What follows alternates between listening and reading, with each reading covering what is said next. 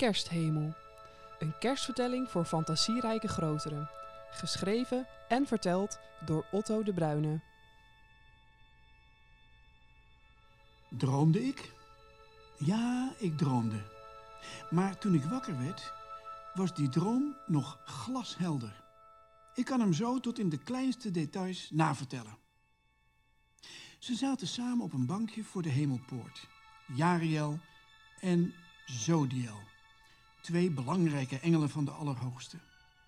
En voor hen lag het universum. En ze tuurden allebei naar dat piepkleine groen-blauwe puntje dat aarde heette.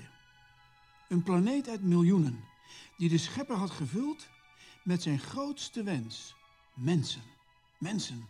Mensen die net als hij konden denken, luisteren, spreken, zingen, dansen, genieten van licht en kleur en konden liefhebben, konden kiezen en hem konden liefhebben. Maar dat kleine bolletje was stil geworden. Er werd al eeuwen niet meer gedacht en geluisterd, gesproken, gedanst, gezongen, zoals in het begin. Die kleine planeet was altijd het doel van hun reizen, maar deze dag was een bijzondere. En dat kwam zo. De Allerhoogste had zijn engelenstaf, de belangrijkste engelen, bij elkaar geroepen. Want vandaag sprak de schepper het allerhoogste woord. De vervulling van alle eerdere hoge en hoogste woorden die zij al die eeuwen aan speciaal uitgekozen en voorbereide aardbewoners hadden mogen geven. Het draaide elke keer om een piepklein groepje mensen en een piepklein stadje waar zij in en omheen woonden. In het midden van dat stadje stond een soort antenne. Een plek waar boodschappen ontvangen en uitgezonden werden. Een soort postkantoor of, of, brievenbus. En de mensen noemden dat hun tempel. Het eerste en hoogste woord dat de schepper doorgaf was over zijn plan om eens de kop te vermorselen van een oud collega van hen, ene Lucifer, die tijden geleden de macht van de schepper wilde stelen en toen uit de hemelsferen tuimelde en op aarde zijn toevlucht zocht. Die oud collega had op een uiterst gewiekste manier die hele planeet verziekt. De mensen tegen hun schepper opgezet, waardoor de hele boel zo besmet was dat de schepper op afstand moest blijven. De hemelheer heeft toen, in het begin, beloofd dat hij daar op een dag definitief een eind aan zou maken. Er zou een aardling komen die deze slang, onze collega, oud-collega, de kop zou afhakken en zo de weg zou vrijmaken om weer te denken, te luisteren, te spreken en lief te hebben. En die dag begon vandaag. Ze keken elkaar nog eens aan en lazen de spanning en de ingehouden vreugde in elkaars ogen. Jariel stootte Zodiel aan en zei: Wie had dit kunnen bedenken? God, de schepper. Ja, het wordt een zoon. Zes pond, 42 centimeter, krullenkop. Oh, een wolk, antwoordde Zodiel. En een moeder die wat mij betreft regelrecht de hemel in kan. Wat een gaaf kind. Ja, en een kind is het. Een kind dat een kind krijgt. Maar ja, zo puur, zo onbevangen. Jariel. Ja, met die man erbij, hè? Dat geloof je toch niet? Die een vent uit één stuk.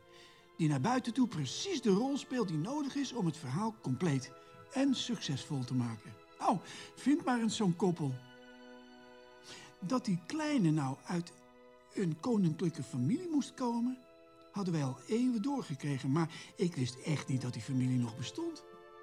En zeker niet in dat uitgestorven gat, ver van dat postkantoor. Nee, nee, nee, dat is nou het onvoorstelbare. De hele opzet heeft ook iets komisch. De belangrijkste man van de planeet, dat is de keizer in Rome, die wordt het knechtje van dat tienermeisje uit dat boerengat aan de rand van zijn eigen rijk. Hij denkt, ik zal eens wat laten zien dat ik de baas ben. En hij roept, iedereen moet naar zijn oorspronkelijke geboorteplaats gaan, zich melden, zijn naam zeggen, afvinken, want ik wil weten hoe machtig ik ben. Maar hij heeft niet in de gaten dat hij maar een druppel in Gods emmer is en een stofje aan zijn weegschaal, de blaaskaak. Nou, nou, nou, nou, nou, nou, nou, rustig. Het is ook maar een keizertje. Let op, ergens in dat uithoekje waar wij vandaag naartoe gaan, zitten koninkjes en heertjes die zichzelf nog veel belangrijker vinden dan die keizer. Want hoe lager je komt, hoe belangrijker ze zich vinden. Het is een raar soort hoor, die mensen. Ze werden stil. Het zijn om te vertrekken was nog niet gegeven. Jariel en Zodiel lieten hun gedachten teruggaan naar de grote bijeenkomst die nog maar net afgesloten was.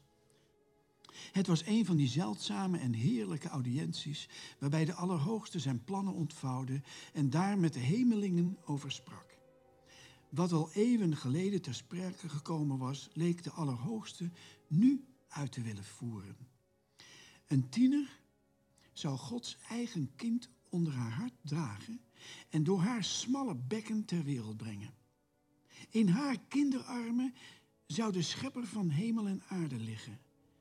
Hij zou daar in slaap gewiegd worden, de borst krijgen, opgevoed worden. Ja, misschien ook wel een tik op zijn bil gekregen hebben. Iedereen probeerde zich een voorstelling te maken van dit onbegrijpelijke voorstel. Toen trad een belangrijke engel naar voren, ging voor de troon staan, maakte een buiging, schraapte zijn keel en sprak: Almachtige, u weet ongetwijfeld wat u doet, maar met uw welnemen, dit is naïef. Mogen wij u er voorzichtig op wijzen dat mensen onbetrouwbare wezentjes zijn? Ze zouden de kleine, uzelf dus, uit hun handen kunnen laten vallen als ze weer eens drie dingen tegelijk proberen te dragen. Een kruik vol water op het hoofd, een takkenborst met brandhout onder de ene arm en u op de andere arm. Ziet u dat voor zich? Maar in hun warhoofdigheid en hun angst zouden ze u ook te vondeling kunnen leggen. Een soort biesemantje in de Jordaan, net als eens Mozes in de Nijl.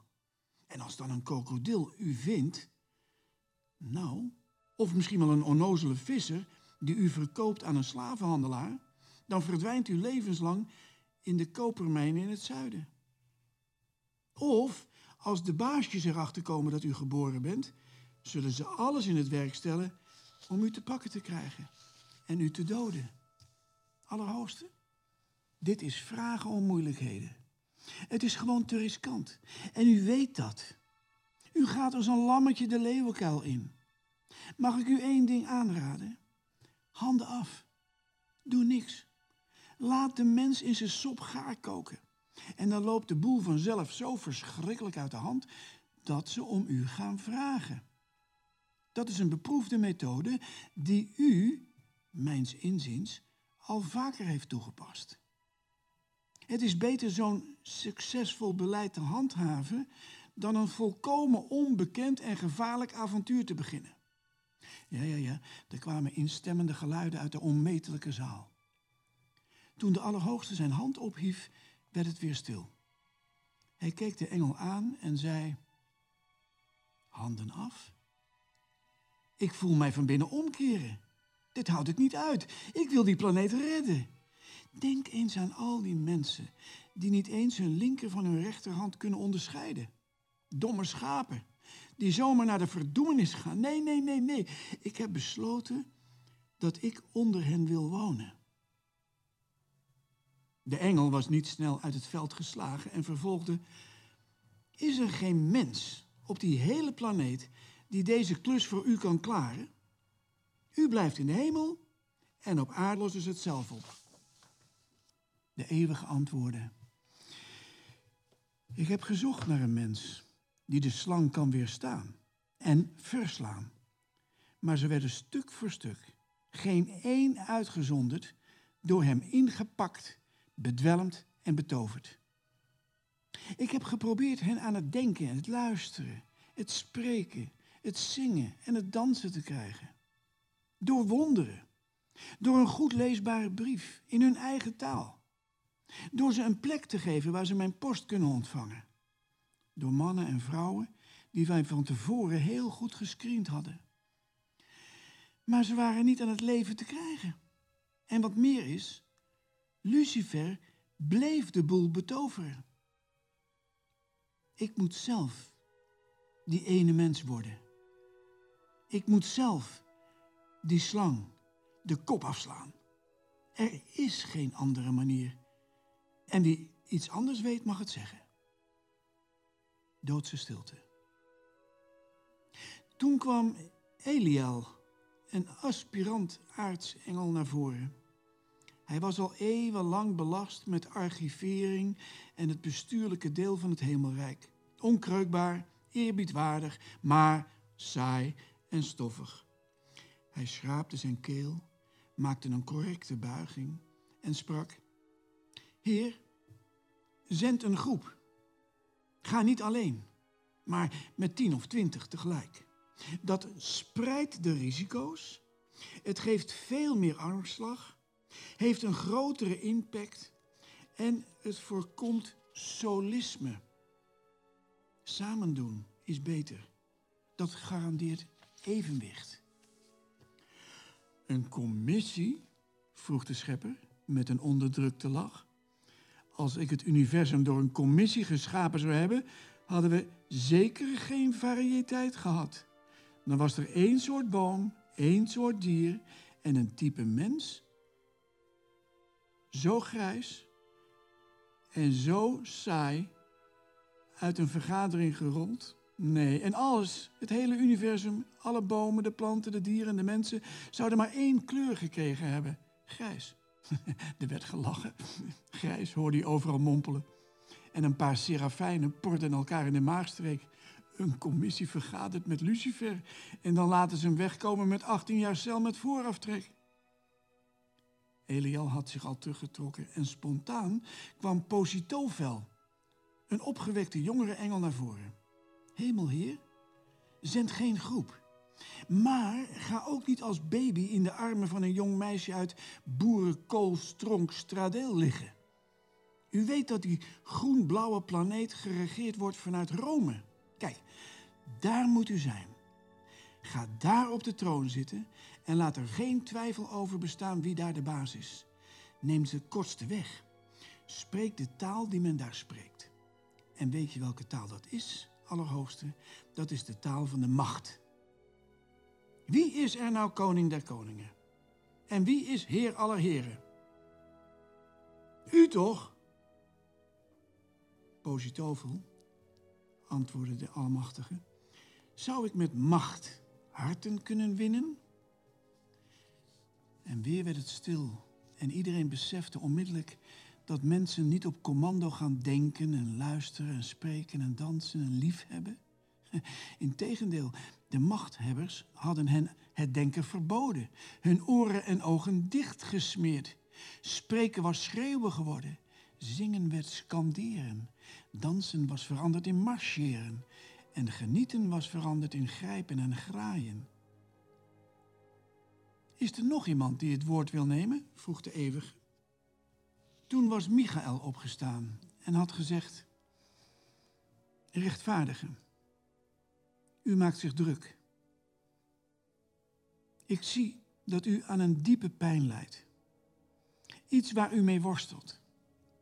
Het lijkt wel of u verstrikt geraakt bent in een strijd die u alleen ten koste van uzelf kan winnen.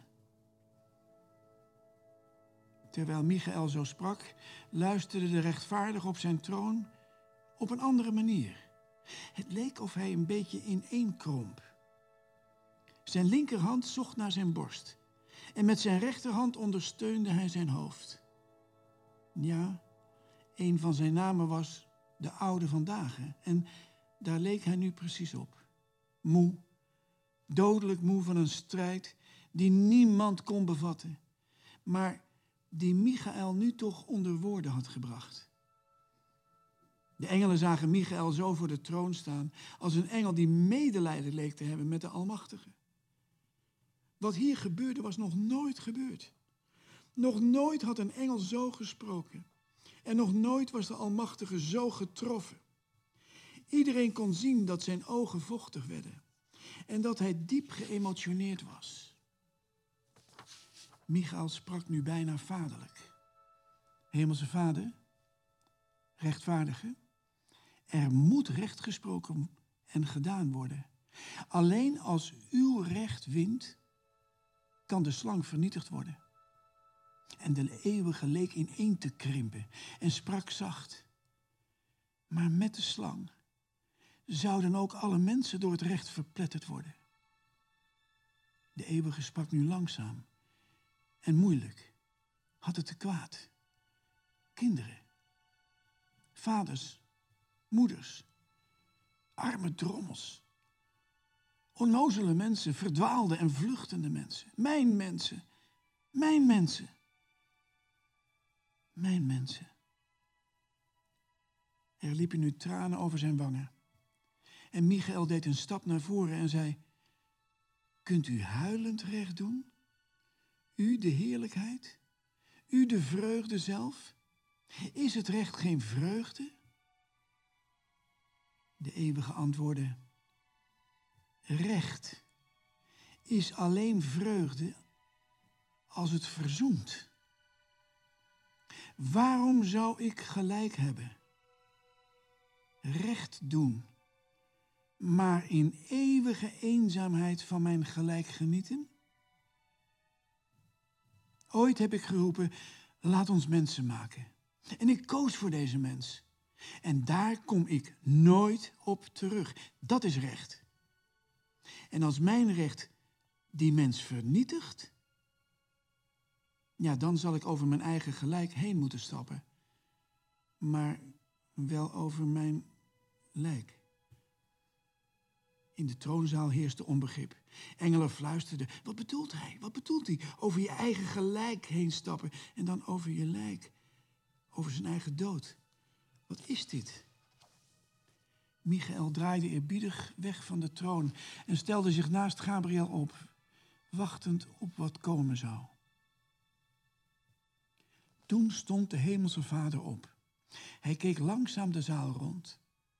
Toen hief hij zijn linkerhand op en sprak met een diepe en zware stem die door de troonzaal weergalmde. Ik zal recht doen. Recht aan mijn beloften. Recht aan mijn schepping. Ik zal mijn recht uitvoeren vanaf vandaag. En terwijl hij dat zei, liet hij zijn linkerarm heel, heel langzaam zakken. Iedereen huiverde en begreep dat nu de tijd zou aanbreken van de laatste afrekening met Lucifer, met de mislukte schepping. Dit werd de dag van het recht. Maar terwijl de eeuwige zijn linkerhand heel langzaam, als een bijl, als een zwaard, als een moker, liet zakken, zag men zijn rechterhand even langzaam omhoog klimmen in de richting van die dalende linkerhand. En toen sprak de eeuwige vanuit die rechterhand, maar ik zal mens worden. Ik zal mijn recht weerstaan. Ik zal mijn recht bevechten. Ik zal worstelen met mijn recht. Ik zal de bijl van het oordeel opvangen en in mijn eigen lijf laten slaan. Ik zal in liefde en barmhartigheid zelf de klap opvangen die de mens verdiend had. Op dat moment had de rechterhand de linkerhand met een klap bereikt en vochten die twee handen met elkaar. Iedereen hield de adem in. Wie van die twee zou winnen? Lange tijd leek de schepper verwrongen in zichzelf, zijn krachten metend met zichzelf. Onmogelijk. Was dit wat Michael bedoelde toen hij de eeuwige aansprak over een strijd binnen in hemzelf? Na een tijd die niet gemeten kon worden, werd de rechterhand naar beneden geduwd en leek het recht, zijn linkerhand, te winnen. Even hing die rechterhand zelfs slap en uitgeput in de schoot van de schepper. En de linkerhand klemde zich strak en stram om de pols van de rechterarm. Maar toen gebeurde het vreemde. Het was alsof de schepper ook zelf ervan schrok. Verbaasd keek hij mee en zag dat zijn rechterhand omhoog kwam en met een snelle beweging de linker naar boven duwde. En toen straalde het gezicht van de eeuwige en hij hief zijn rechterhand boven zijn hoofd, terwijl zijn linkerhand rustte op zijn hartstreek. De engelen begonnen te juichen en ze riepen, het recht is overwonnen door de genade. Genade wint. U gaat de mensheid redden. Er klonk muziek, er werd gezongen. Eer aan God in de hoogste hemelen en vrede op aarde. Hij vindt vreugde in de mensen. En daarna ging alles razendsnel. Er klonken bevelen, er werd gepakt voor een lange tijd op aarde. Verschillende soorten engelen begonnen met het voorbereidend werk. De keizer in Rome moest het idee krijgen om een volkstelling te houden. Er werd gesleuteld aan de sterren, zodat er één op een bepaald moment boven een bepaalde plek krachtig zou schijnen. Anderen gingen naar het oosten om sterrenkundigen met raad en daad bij te staan. Weer anderen hadden een opdracht om een parallelprogramma op te zetten en een heraut, een wegbereider, geboren te laten worden. Ja, en iedereen neuriede het lied Eer aan God in de hoogste hemel. En toen eindigde mijn droom. Die eindigde weer met Jariel en Zodiel, die op het vertrek zijn wachten en tegen elkaar zeiden: Zo lief heeft hij de mensen dat hij zichzelf geeft om ze voor altijd bij hem te hebben. En juist op dat moment klonk een bazuin vanaf de torens. Er ging een warme gloed door hen heen. En zij spreidden hun handen en ze bewogen zich naar die groen-blauwe planeet. Door het onmetelijk heelal. Naar dat eindeloze, dat kleine, onnozele hutje. Helemaal beneden, in dat boerengat. Waar een tienermeisje de kippen naar buiten joeg. En die fladderde luid kakelend over het erf, waardoor ik wakker werd.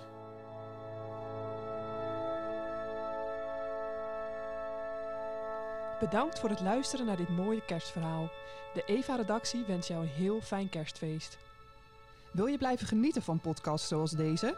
Ga dan naar eva.eo.nl slash abonnee en steun ons.